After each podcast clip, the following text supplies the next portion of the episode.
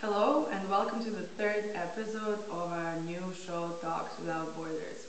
In the last show we talked in Serbian and it was all translated into English, but this time we will talk with our guests in English and it will be translated for you to Serbian. Today we're traveling abroad, again across the border, and we'll travel to a country which is very important. Its cultural heritage is very important, but it's also very well known for fine foods. Uh, it's a country where it can be very warm, but you can also go skiing there, and you can also go sightseeing and visit a lot of important uh, museums with a lot of important artifacts. It is uh, a country shaped like a boot. So if you've already guessed, we're going to Italy. My today's guests are both journalists. Their names are Alberto Mangili and Angela Krstic. And we will talk to them about their experiences living in Italy, but also Alberto has been in Serbia, so he will share a little bit about his experience as well. Stay with us for the next 20 minutes and remember, the fourth episode will also be with them.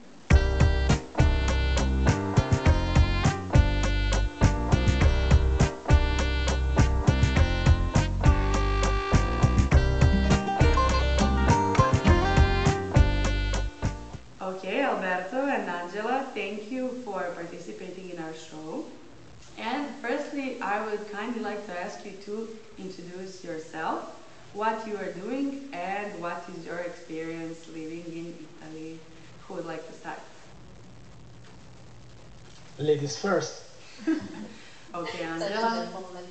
Uh, yes, my name is Angela Krstic. I'm 24 years old. I graduated from college last uh, year and I studied Italian language and literature, which I will be continuing in a few weeks on my master's. And uh, I've recently become a journalist for the Italian audience, and I'll be starting in just a couple of days after all the contracts uh, have been signed. I also went uh, to an Erasmus exchange program to live in Italy, and I've also lived in Italy before when I was younger, so it's been, you know, several trips to Italy throughout my life. So you have a kind of back and forth relationship with Italy. Yes, it's a complicated relationship, and it's uh, but it's two-sided. So yeah, we love each other, the country and I. Okay, so we had a love story, and Alberto? Yes. My name is uh, Alberto Mangili. I'm 25 years old. I'm a journalist too. I recently graduated with a master's degree in uh, communication, uh, information, and publishing. I spent my last year with uh, Poland, uh, working with the Italian Institute of Culture and uh, of Warsaw and now I work uh, as a journalist also with uh, Poland, so I'm uh, happy with this, of course. And um, now I'm going to start uh, a postgraduate in uh, tourism management in uh, half of October. I will spend two months in Milan studying, and then from January I have an experience abroad, a six months internship. I will see where I will go, but of course I open to every option. So I will decide this, of course. So for you two, the, the world is very is still very widely open. That's what I can see from both your introductions. But what is interesting that you both both had experience going to exchange programs. So why did you decide to do that, and uh, how did you decide on the country, and what was your experience like? Can you describe it in detail for us. Are we still going ladies first or? It's the same. it's if the you same. want, as you want, but uh, maybe you have a better answer for this because I just want to say that uh, it's good your question, but uh, I never had um, Erasmus programs because I was too much in love with Bergamo with uh, my city, my university. So I always traveled a lot, but I properly decided to not having Erasmus to spend uh, five years studying there. But uh, as you know, of course, I had many other experiences abroad, but not with uh, studying with university, but maybe internships or uh, travels. Yes, we can talk also about internships. It's also a type of experience. Yeah, maybe, the most important one was last year internship in uh, Warsaw from September to November uh, 2020. But I had to come back um, before, and I had uh, part of this one uh, remotely because situation in uh, Poland and Warsaw was not so good. But then uh, I spent the next month doing my thesis on the about the institute, working remotely, and it was a long work. And uh, in uh, June now I got my my degree. Then I came back this summer in uh, Poland. I spent so so much time there, and uh, now my experience with Poland is going on, of course, even if I will be here in Italy for the next month. Okay, we'll get back to, to your experiences in Poland, definitely. But Angela, can you describe yours? Yes, uh, going on an exchange program, I was kind of talked into it but by my high school Italian professor, who told me as soon as you start your studies, go and become a member of Erasmus however you can. And I've had the luck that my professors in Kragujevac were very kind and very supportive and they also supported my decision to go on an exchange program. They even suggested Rome because uh, they were familiar with the study plan, and uh, so they just said, you know, it's similar to ours, we can easily convert the grades. Just we will give you some recommendations, and uh, you just need to apply and do your best. And they were there with me with, uh, you know, in every step of the way, which I'm very, very thankful for and you know the students that had previously been to, to the same exchange program were, were very helpful with you know finding uh, an, an, apartment or you know just creating my contract and all the courses I wanted to follow. They were so helpful so in the end when I got accepted I remember the, the day I just woke up and I went through my emails and I found my acceptance letter and I was so happy to have been admitted. So then, you know, the process starts. You need to collect all these documents, you need to plan, you need to pack, you need to do everything. I also had the luck that uh, one of the students that were admitted into the program reached out to me, and she was also studying in Kragujevac, she was studying medicine. And uh, we went out for a coffee, we found that we were very compatible, and we decided to be flatmates and we also kind of connected with all of the other Serbian students that were admitted in the same program. And we were all, you know, just a little family, like a little safety net that we had that, you know, when we would be in Italy, we would support each other. And in the end, it wasn't even that necessary to have a safety net. I mean, of course, we were there for each other when any one of us would uh, get sick or need anything, uh, we would be there for each other. But then again, there we met so many kind and lovely people, and we keep in touch to this day. I mean, not from the Balkans, of course, we've had many Balkan friends, but then uh, some of my best friends were French and Belgium. And uh, just a few days ago, we talked again, and we just during these tough times we also talked like every now and then we would ask so how is everybody doing? Is everybody okay? Did no one get sick? And they're very kind. And as far as my studies go i can talk for days about my erasmus i'm that one person who goes to study abroad and then when they come back every other sentence is like oh so you know when i studied abroad i did this this and this. And uh, the classes I took them all in Italian and they were tough but I also enjoyed learning because uh, I found uh, you know the opportunity I had the opportunity so I would just you know take it as it is. And uh, they their study plan is different than ours and I noticed they concentrate on books much more than we do. We do oh my god i'm so sorry we do more we have practice. cat intruder. Yeah cat intruder that is completely fine. Yes i'm sorry she's used to being the center of attention. So yes hello. Uh, so uh, what was I talking about? Yes, we're more con- concentrated on you know practicing what we've learned, while they're more concentrated on you know just the professor speaking, and you know we would learn the program. But then you know it was all really fine. And um, oh my god i missed the roman landmarks and everything i saw because everywhere you go you have something to see. And it was amazing. Like i would just go outside of my house and see the san lorenzo square which was you know very tiny compared to the campo de fiori or any other bigger square in rome. But then again it was also beautiful and it also had something to offer. So even after six months in Rome, I still can confirm I haven't saw that much. Because for Rome, not many people who live there for years, for 10 15 years, they do not see the entire beauty of Rome. And of course, as you mentioned, food was amazing. The the cafeteria food was also really really good, which you know in most of countries when you say cafeteria, people just make a face like, mm, yeah, cafeteria everything was good. Like I miss everything. You, even the bagged risotto from Lidl's that you would cook instantly. Yeah, I miss that too. Everything was just amazing. So Angela, you, uh, as I can see, are completely mesmerized with your experience. Yes. Uh, and yes, Rome is a city with a lot of hidden gems and a lot of hidden gardens and everything, which is very beautiful and uh, it's no wonder people from there say it is the center of the world. Uh, but Alberto, how was your experience uh, living in Poland? Because it's it's a different type of country.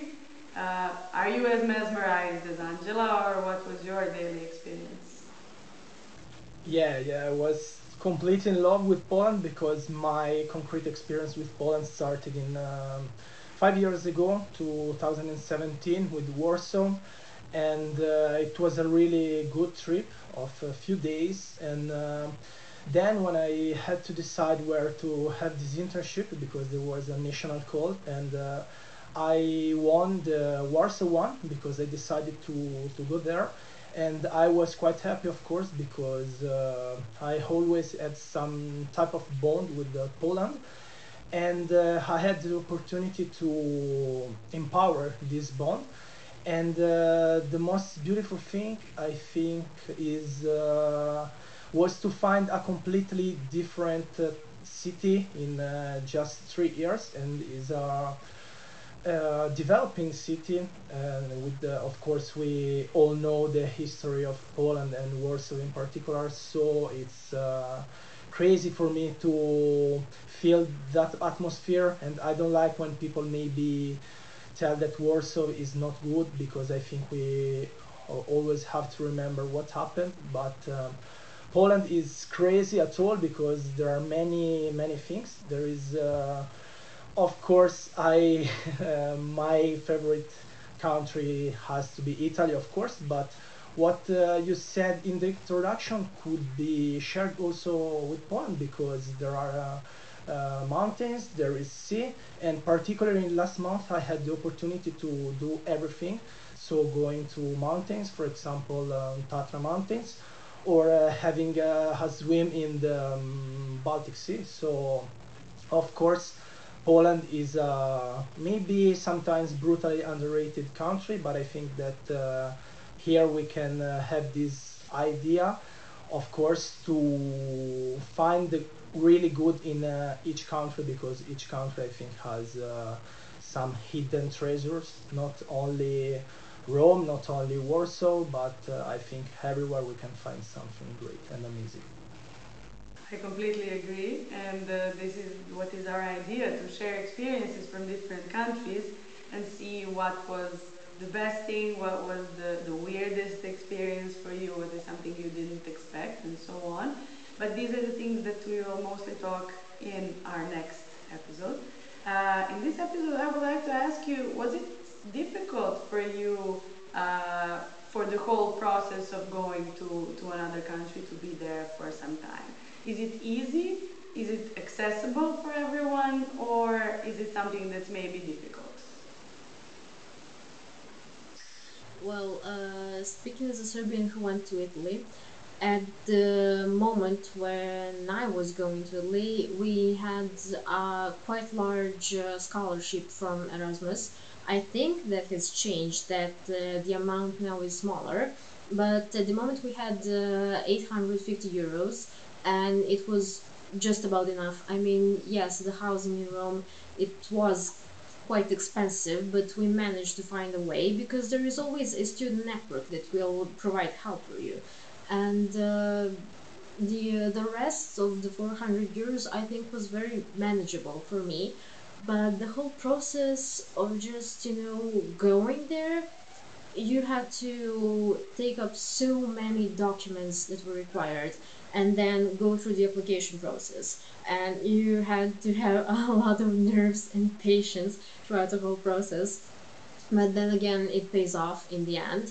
And I don't don't even want to mention the packing, finding the right suitcase, the right size that would fit clothes for six months because I, for example, did not have the luxury of going back to Serbia and leaving a bunch of things and then taking another half of clothes. No, I just had to prepare for this, you know, one trip to Italy and back to Serbia.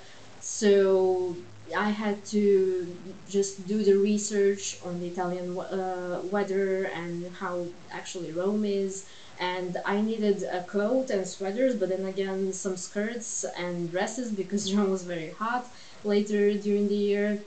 I mean, I went from February to July, so it was you know quite a specific uh, period of time. And also, I had to leave up some space because you, I wanted to bring with me some books, and some clothes, some memorabilia, and uh, it all had to fit through the airport because I was not going by bus; I was going by plane. So that was quite difficult. But then in the end again i think it all pays off. And oh there's a whole story about how i came to the airport and then the whole journey of just finding my apartment like not even my serbian friends who were already there could help me because we would say okay let's meet at the tiburtina station and my friend would say angela do you know how big Tiburtina station is. I do not know where to begin to search for you. So it was quite a journey. Okay, so that's yeah something that's, uh, that brings us to the topic of differences of what we're expecting and what we come to see. And Alberto, what is your opinion?